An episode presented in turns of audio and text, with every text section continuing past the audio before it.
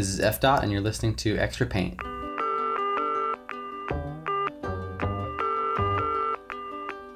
Hey, my name is Eric Friedenson, aka F Dot. I'm an artist and muralist based in Brooklyn, New York. Extra Paint is a podcast for muralists, artists, and art lovers of all kinds. In each episode, we will talk to different artists and makers who are truly dedicated to their craft and making an impact in their community. Today we're interviewing Sanskar Sawant, who is a designer and muralist from Bombay. If you don't know his work, you should because he's done some incredibly beautiful murals that take inspiration from their environment and like he likes to say it they soothe the subconscious. He creates massive murals all around his home country of India and I admire how much of a go-getter he is. So I'm bringing him on to spill the paint on what drives his creative practice and offer the muralist community some perspective. In our conversation, we go into the inner workings of Sanskar's process. We also talked about painting for mural festivals, Indian street art, and street food, starting a studio which is aptly named the Bacon and Egg Studio, and a lot more. If you want to have a visual during this episode, go check out Sanskar's work on Instagram at Sawant Sanskar. So that's his name flipped backwards. It's S A W A N T S A N S K R. Sawant Sanskar. When I went to India, I learned the word chalo in Hindi, which means let's go. So, chalo. Thank you for having me, Eric it's been a while that I've, we have been chasing each other for this. I'm Sanskar Savant. I'm an illustrator, designer, a muralist from Bombay, India.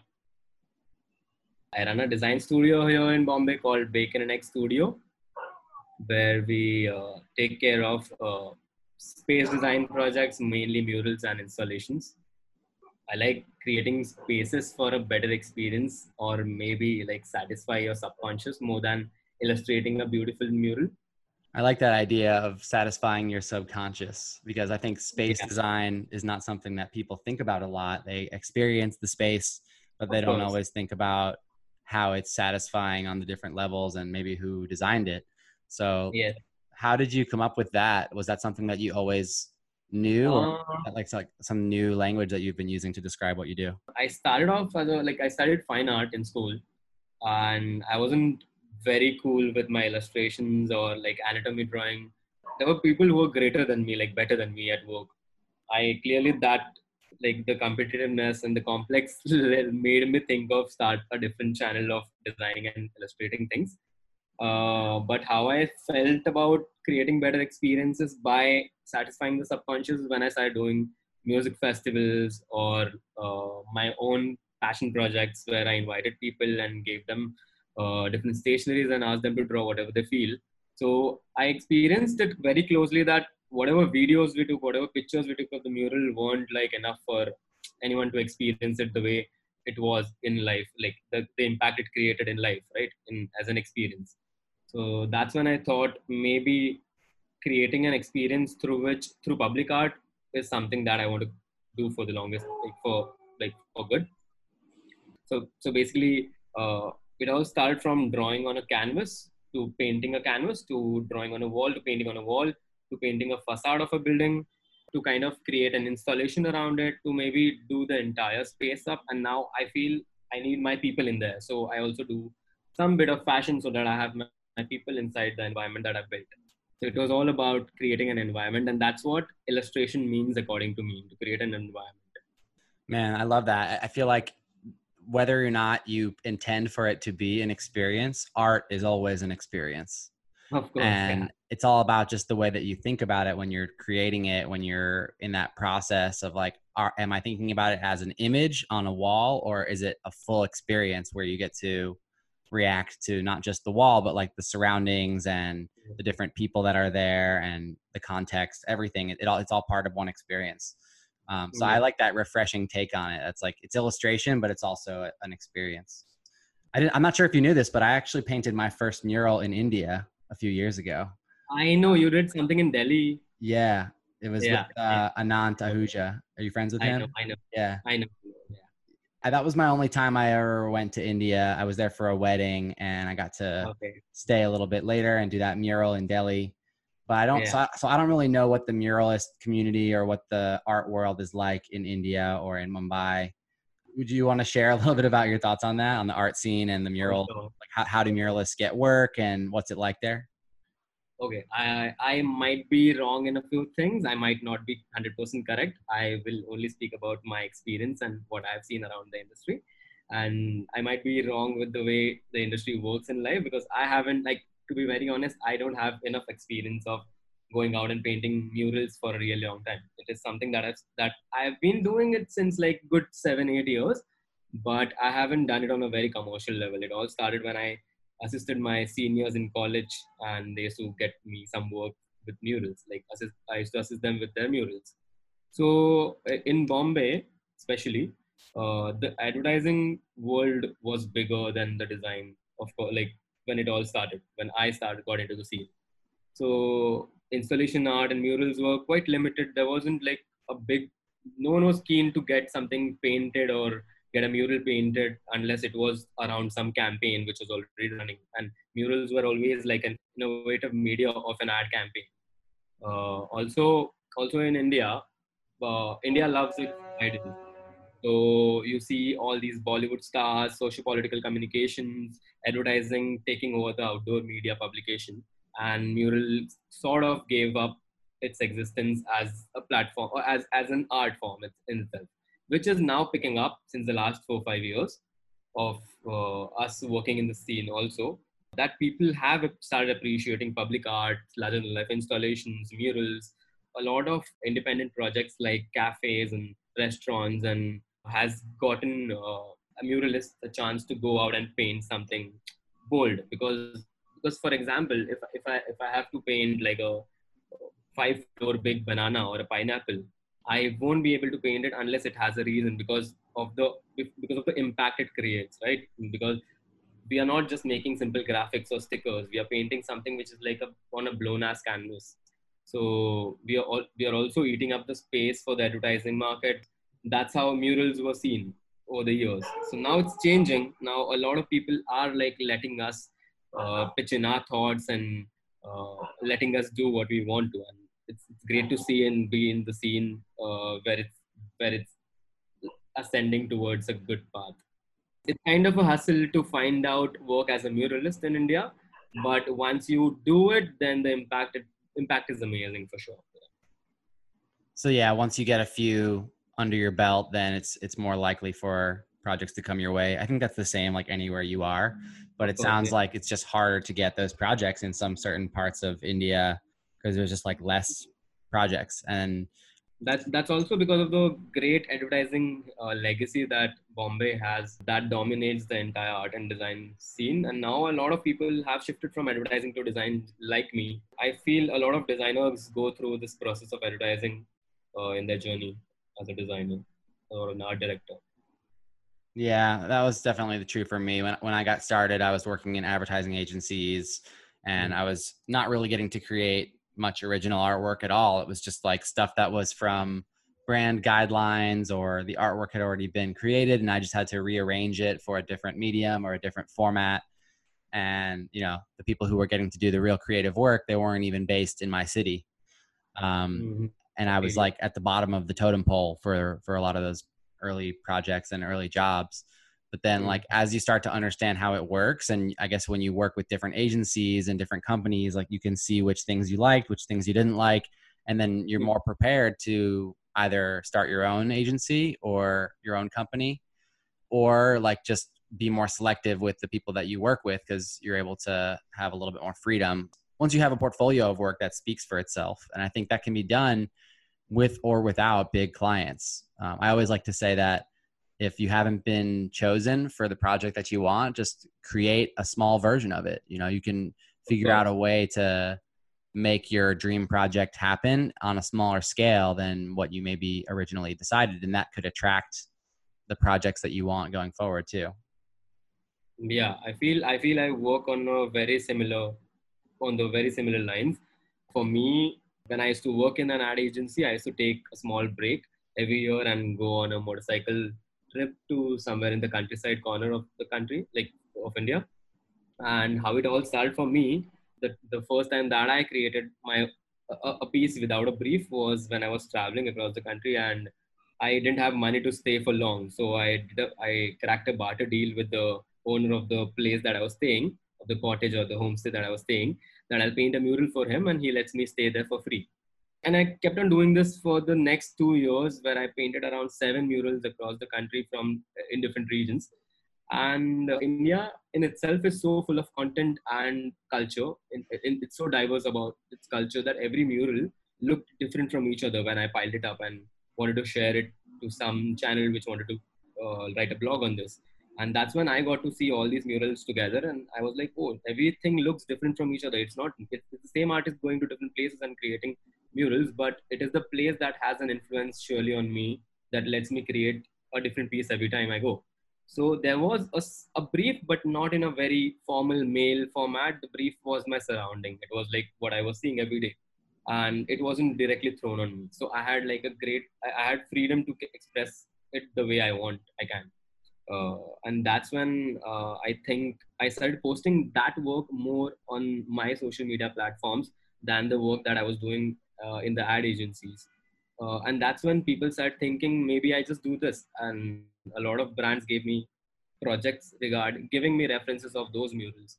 And i feel that's the time when i started doing more original work and i found my style where i started creating everything around the environment and not create a character and just create a story around it. So that was your big break. Yeah. That was the, that was the small passion project that led me to start something by myself maybe. How many years ago was that? This is 2015. Yeah, 2015 16. Cool.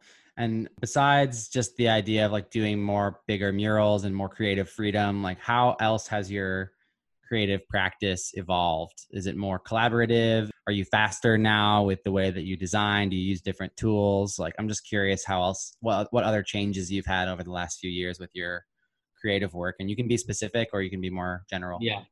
To be very honest, I started off uh, as a fine artist then got into advertising and design.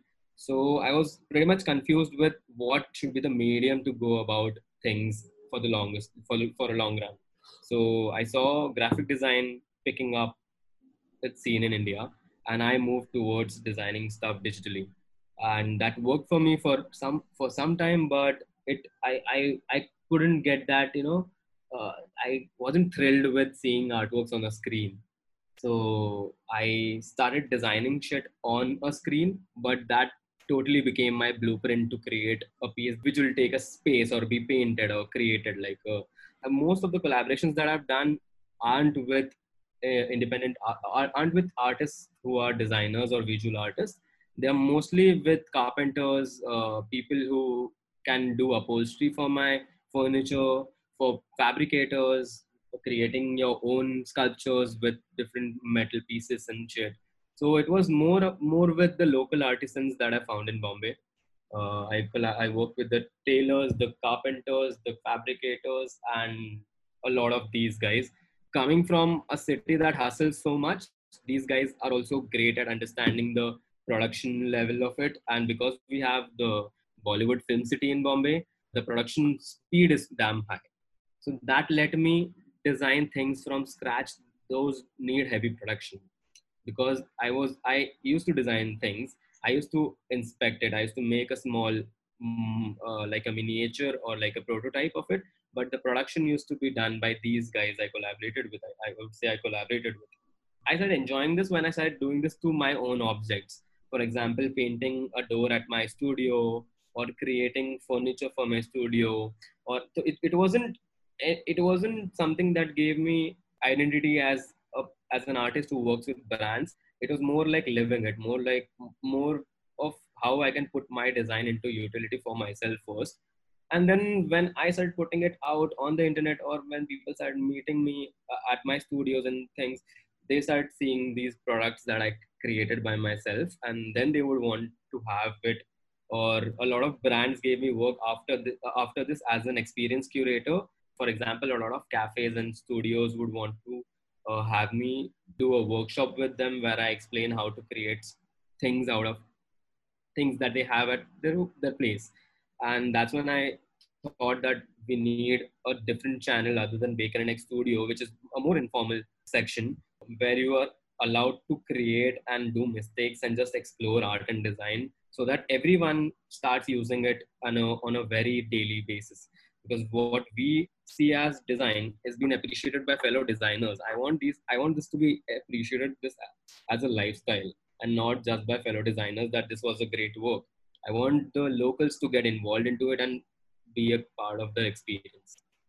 That was such a big breakthrough for me too about just learning that you know when i started out doing sharing my work i was mainly attracting other designers and artists to my work cuz that was my community and that's yeah. who I knew well. You know, when you go to school, you're surrounded by other creative people, and mm. and then after a while, you have to decide like, do I want to serve other artists and create tools for them and experiences for them, or is this something that can be enjoyed by yeah. the greater public and find my find my audience in other sections? You know, not just from other creative people or um, designers and artists so that's that's cool you had the same kind of awakening. I think every artist goes through that at some point uh especially if they study you know like a formal training. Okay well back to your your mural work. Um i wanted to know like what is your favorite thing besides like creating the experience? What's your favorite thing about making murals? Is is it more about working with other people or just the scale getting to finish it and step back? what's like your favorite thing about painting? mm, I, I think there's no, I can't describe one. I'll just, just talk about how I feel and what I think of when I want to paint a piece. I'm not someone who has a character that I've been developing over you over the years as a as a 2D animated character or like just a sticker that I've been painting everywhere or like sticking or like bombing everywhere. So I I go about things without a brief, but still need a brief from the canvas. So I feel the canvas is something that excites me the most. So if it's a shutter, if it's a small door, if I'm doing a facade of a building, I'm, if I'm doing a hype code, if I'm doing like a floor, big, big floor mural, uh, is it like an installation that is going to hang from the ceiling? So I feel the surface is the thing that I look first when I start thinking of an idea to even start with a piece or even when I pitch it to my clients so i try to uh, push them out of their limits and i would want to have some bit of installation attached to the mural or some sort of thing that may maybe something that can be reversed and people can change their murals every day. Yeah i get that feeling too. Whenever i walk into a new space for a project and just thinking about all the different possibilities of that it's like one of my favorite feelings. What do you think are some of the things that do describe your style. I know you said you don't really have a character or anything that you like to put everywhere, but can you describe your work in a few words or is it too, yeah. too difficult? Yeah, so I I think of a few keywords. I I create a language around those keywords and the key uh, and everything revolves around those keywords. So for example, the keywords are balance, pattern and texture. So now you have to create objects out of objects that have to be balanced. The objects can turn into a pattern and they can have an interesting te texture. Sometimes I get the texture directly from the canvas. Sometimes I like to paint those paint the texture. If I get a plain wall, I would want to draw something which is grungy and which has some texture on it. But if, if I get like a grungy wall, then I would want to paint some sharp graphics on it. So I like, I, I kind of use uh, objects that relate to or are iconic to me like a chair or like a uh, mm, like a lamp or like just a phone stand or uh, uh, or a horn and and then mix this with random forms that don't exist which can also look like random stones or like some uh, dismantled archaeological site or some weird shaped stones or meteors. These this composition is like balanced and now i want to add a texture to the entire piece. So this is my approach when I start think start designing. So it starts with balancing objects, then putting some iconic and uh, and mixing it up with random shapes that don't make sense but look great when put together. That's so interesting to hear behind the scenes of that because we see your finished work, which is awesome by the way. If if you're listening to this and you haven't checked out Sanskar's work yet, you have to go check it out after this episode. Whenever we see the finished work, it's like we want to assign some kind of meaning to it because we think that everything needs to have a purpose but it's it's refreshing to know that some things are just like cool. They just look cool to you yeah. and they have to be balanced and that's kind of your, your concept right there is just like balancing objects creating a pleasing composition and that's okay too. Not, not every single thing has to have depth and meaning to it because if there's nothing that's just like for fun or because it's cool like then i think we're missing out on some stuff too. Um, yeah, maybe that is also the rebelliousness that came into me after leaving advertising, where every object that I draw had to mean something, and I was tired of explaining it to people that it doesn't mean anything. So it doesn't need to be an infographic every time. It can be a cool design also. I think the people listening to that really needed to hear it. We're all trained to to have a purpose for everything, but sometimes you just want to make cool stuff and you think it looks cool together and maybe later you find the meaning in it that you didn't even expect. It's very close to wearing clothes. The way you wear clothes it doesn't mean it doesn't tell people how it, it doesn't give an infographic of who you are. It looks cool on you so that's how you decorate your houses. That's how you decorate your spaces. That's how you create your entire environment. Again coming back to satisfying your subconscious you like to be in some outfits that satisfies our conscious right? Yeah, I like that metaphor. That's good. I know you've done a couple of projects I wanted to ask you about. One is the WeWork project because I know, I think that's how we first connected.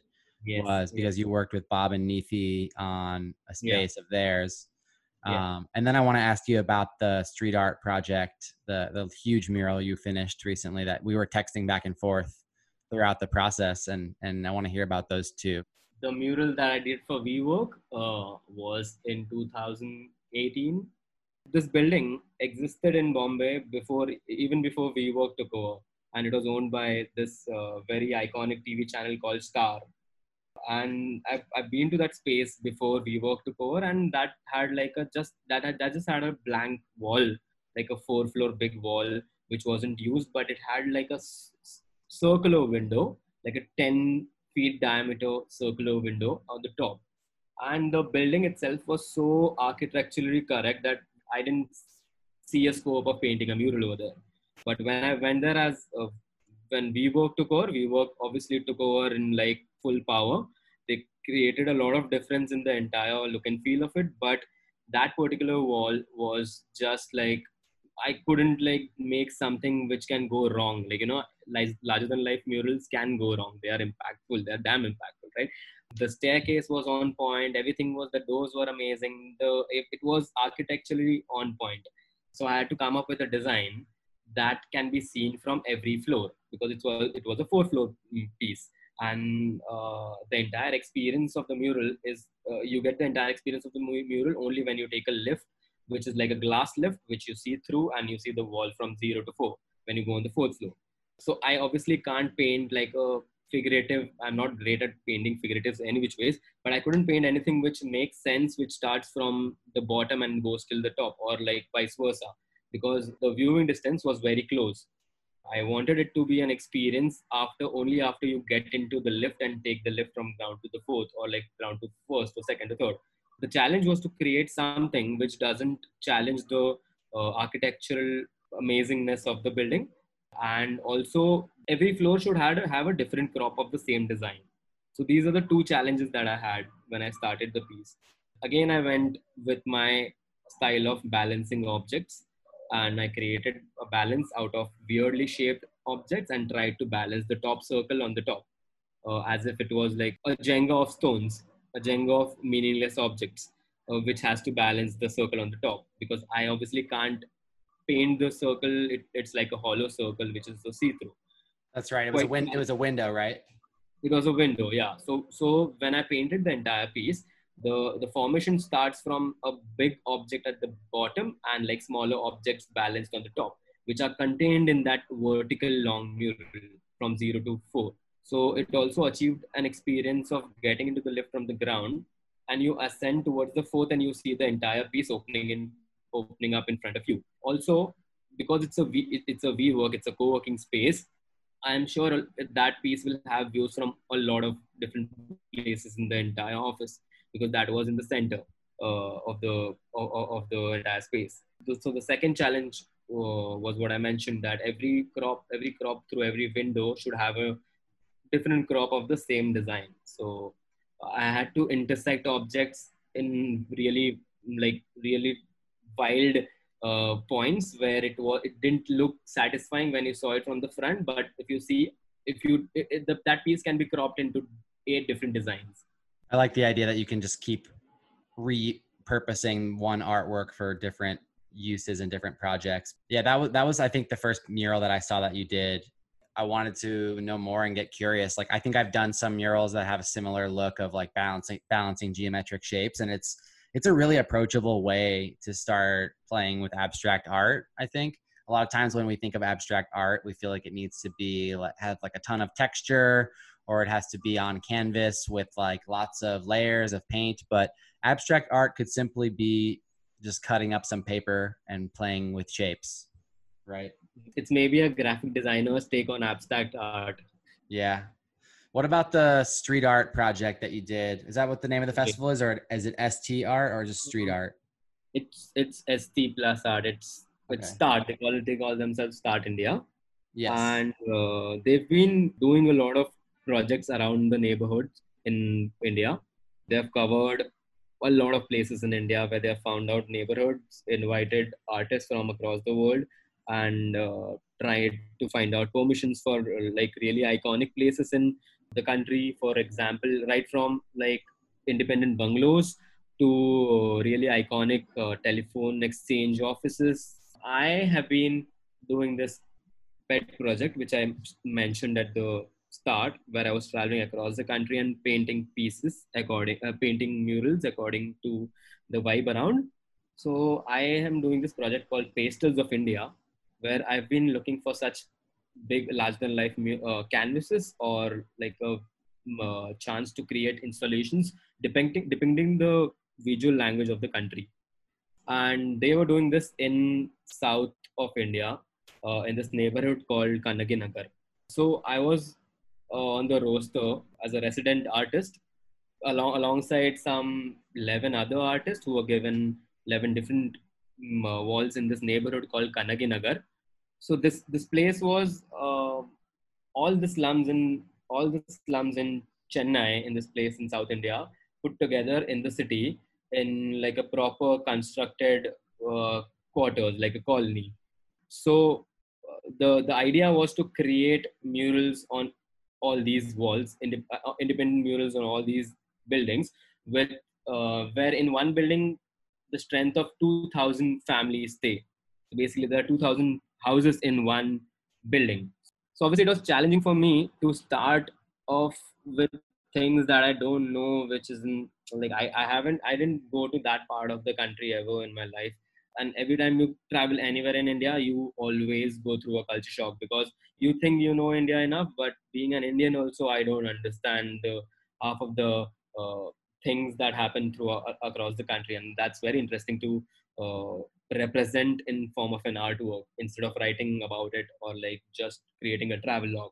I feel my murals are also a part of my travel logs and uh, it's it's fairly an expression of the entire vibe around. So when i was here i was here for around 2 weeks and every day i just kept on taking my uh, route from uh, the hotel uh, so uh, taking my way to the uh, from the hotel to the uh, site from different routes to understand the culture and to understand to be on the streets for longer.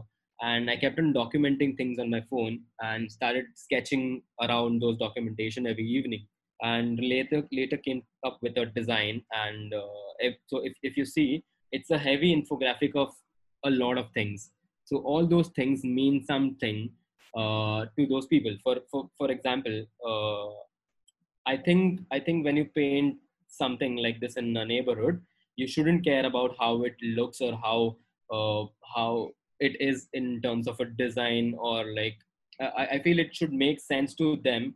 I, it shouldn't be an alien coming to their place vandalizing a building and going off. It has to be something that depicts the language of that place or it has to be something that was missing in that place so it was it was a mixture of the infographic and i was and something that i think should have been always there and i just painted it.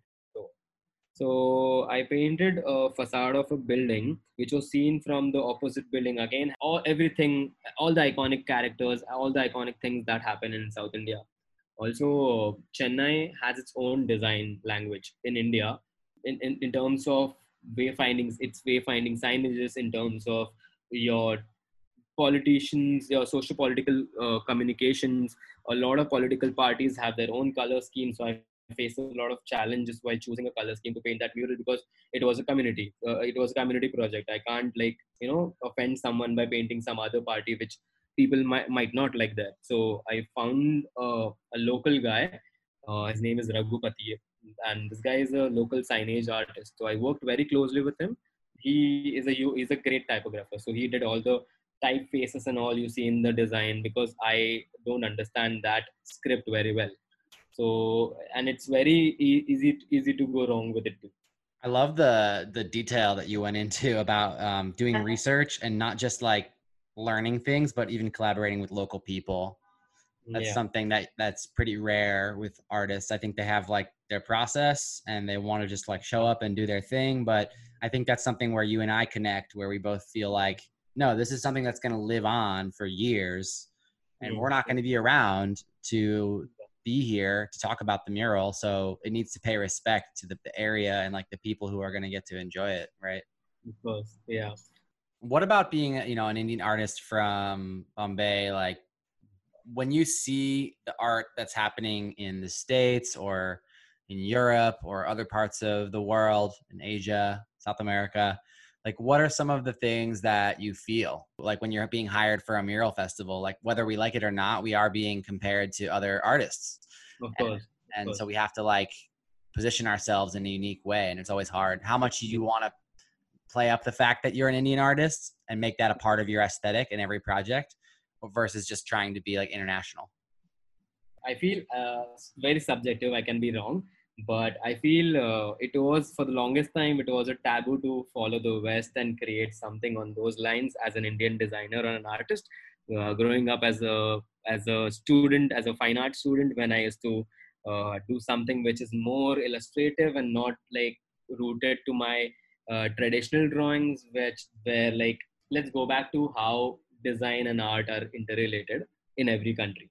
I feel asia in asia art and design like I feel everywhere, but I've seen, being an Indian, I've seen this closely that in Asia, art and design go very closely hand in hand. So for example, Japanese art and Japanese design. I feel design it's uh, is the it's the country's art put into utility and engineering. So basically Japanese design is something which is minimal and so is the Japanese architecture and so is everything around art and design in Japan, right? In India, we have seen murals though we have seen murals things painted or like even temples decorated painted elephants uh, decorated camels at festivals. In it's such a bright country. In every festival every person uses some bit of color either by dressing themselves up or like there are festivals like holi where you put color on each other and like you know it's it's, it's we like the country celebrates the colors to be very uh, frank and uh, i feel that in that grows into us over like that has grown into us over the years of just being a citizen. But when you start designing and when you start like creating art by yourself i went through this where i had to choose between uh, competing with the west or like uh, creating something globally or just stick to someone from india and create an art style which is working with the artisans or working with the indian art history and create something which is contemporary still very Indian. So I wanted to do both. I'm I, I'm a big fan of Western art. I'm a big fan of Indian art and design both. What I tried to do is I created a few projects which I could do in an Indian style, and I created a few projects at the same time which were done in the Western style, but would still have something in common. Like for example, if you see the vwork mural, I, I'll just explain you the pieces that I that I spoke about the WeWork mural is completely different from the, the Chennai mural, the Start India mural. The Start India mural is very Indian. It's very dynamic. It's, it, it, it has an influence of me being in India. Whereas the WeWork uh, mural has an experience of just being there. And as, as a consumer, it is amazing. So I feel it's also the, the, the crowd we cater to. If, if I'm traveling across the country and painting something, it has to be super Indian because it has to be accepted by the people over there. But if I'm creating something in terms of lifestyle or leisure segment, then it obviously I have to cope up, I have to match what's happening in the West or what's happening globally. And you're correct that we always we also feel this pressure of being compared with the the artists uh, around the world and like no one is going to be in that favor for a really long time it is for the country and uh, i feel it's it's something that i would want to do for myself and the people here and would also want to represent it internationally uh, but in a very contemporary way not in a very traditional way i work with the artisans very closely but i i don't think i would want to do something which is super kitsch or super indian for the rest of my life i remember when i first came to india and i was looking around at all the hand painted trucks and i yeah. saw all the signage and i was like geeking out over all the yeah. unique characters and everything but i realized after a little while that the people in india don't really care like typically it's it's yeah. part of the culture and and they don't print as much things as they as they print here so a lot of it the stuff is more hand painted but i was like looking around at all those letter forms and being like i want to use all these in my artwork but yeah it can get like kind of kitschy if you only use vintage or like cultural lettering and then you're kind of put into that category. So I like that your work spans across multiple different languages and it's not just one thing, but you're also like really sensitive when you do a project like the start project that it's it's really like sensitive to the people who live there and and the the, the specific yeah. language of that area too. Super cool. That's what I meant by collaborating with these artisans like carpenters and your tailors, your embroidery artists, your people who are weavers and uh, your sculptors across the country who have been the old masters in setting up the entire Indian design history.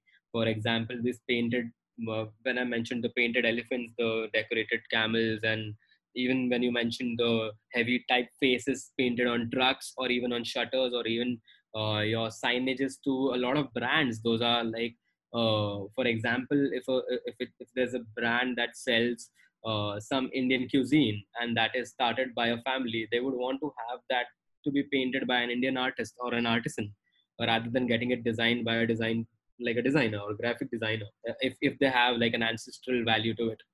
So i feel those are have always been our inspirations and even if we don't do it but it is it's it is something that always keeps uh, hitting us in the subconscious and i think that reflects in most of the work i do also.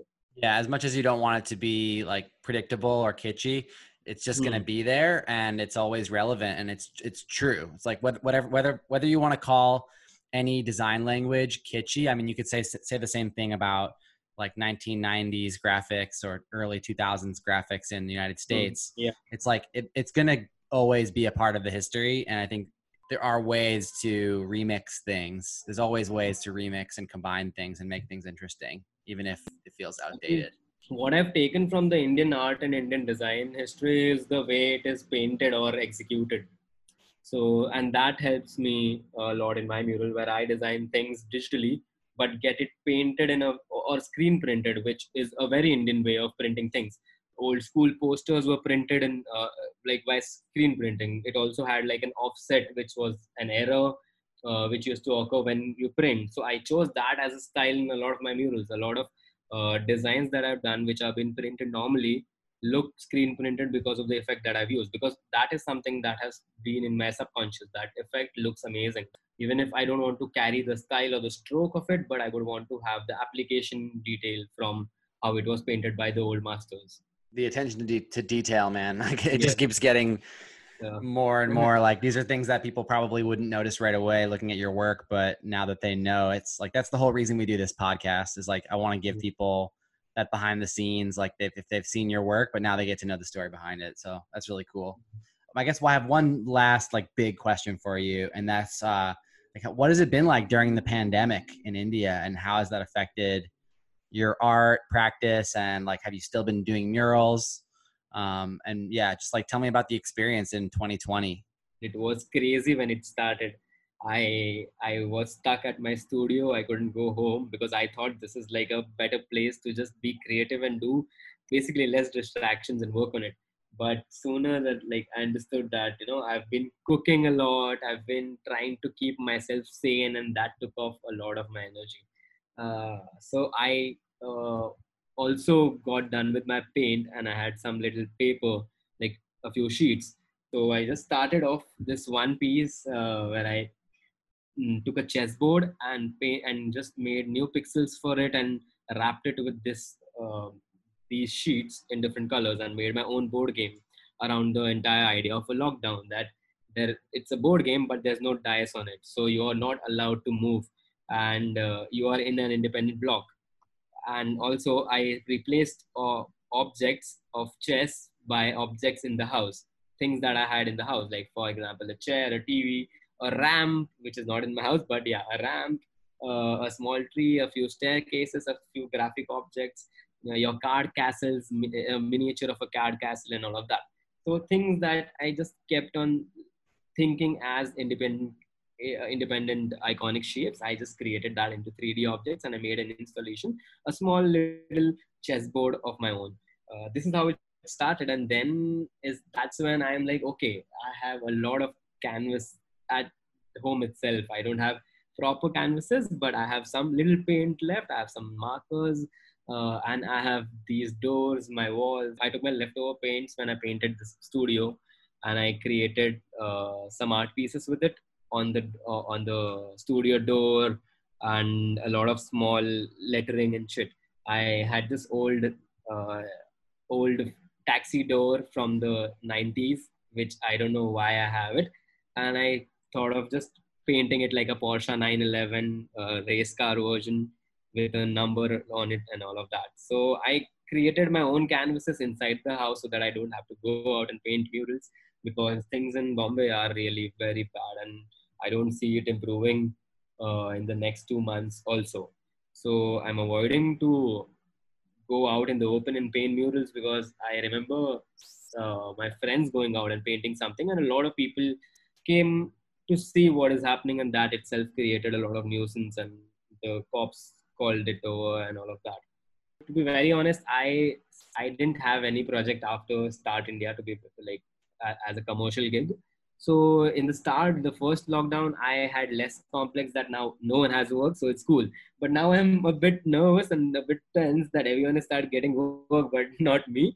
And so I've started like building my own uh, products. I'm launching a few uh, merchandise and working with a lot of other artists too lately, having a lot of international communications, a lot of uh, talking to a lot of international artists and finding out some collaboration opportunities with them too because I feel everyone is on the internet, everyone is out, and everyone wants to just chat and talk to people and know what's happening around the world.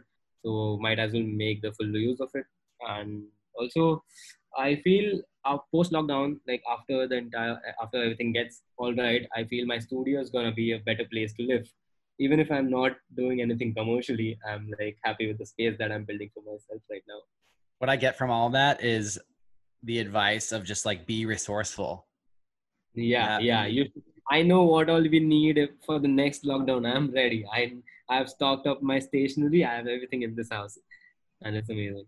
But you also have found like a way to just create art and like move your work in new directions just using whatever you had too. Yes so yes. like don't yeah like don't don't wait for the perfect moment. Don't wait for the perfect supplies to do yeah. the kind of creative work that you want to do. Even during a lockdown you can find things to do. And and then also the other uh, part of it was don't be afraid to put yourself out there and be like yeah. network with people even if yeah. it's just through emailing or through DMs yeah. or whatever like uh I think that's been a huge part of your success is just like not not being afraid to put stuff out there and talk to people mm -hmm. and yeah the worst thing that can happen is people say no or they're not they're too busy or whatever but mm -hmm. you never know if you don't ask so well man thank you so much for taking the time to chat and tell us what you, what's going on in in uh Bombay with Bacon and Egg Studio. I'm excited to see more of the homework project.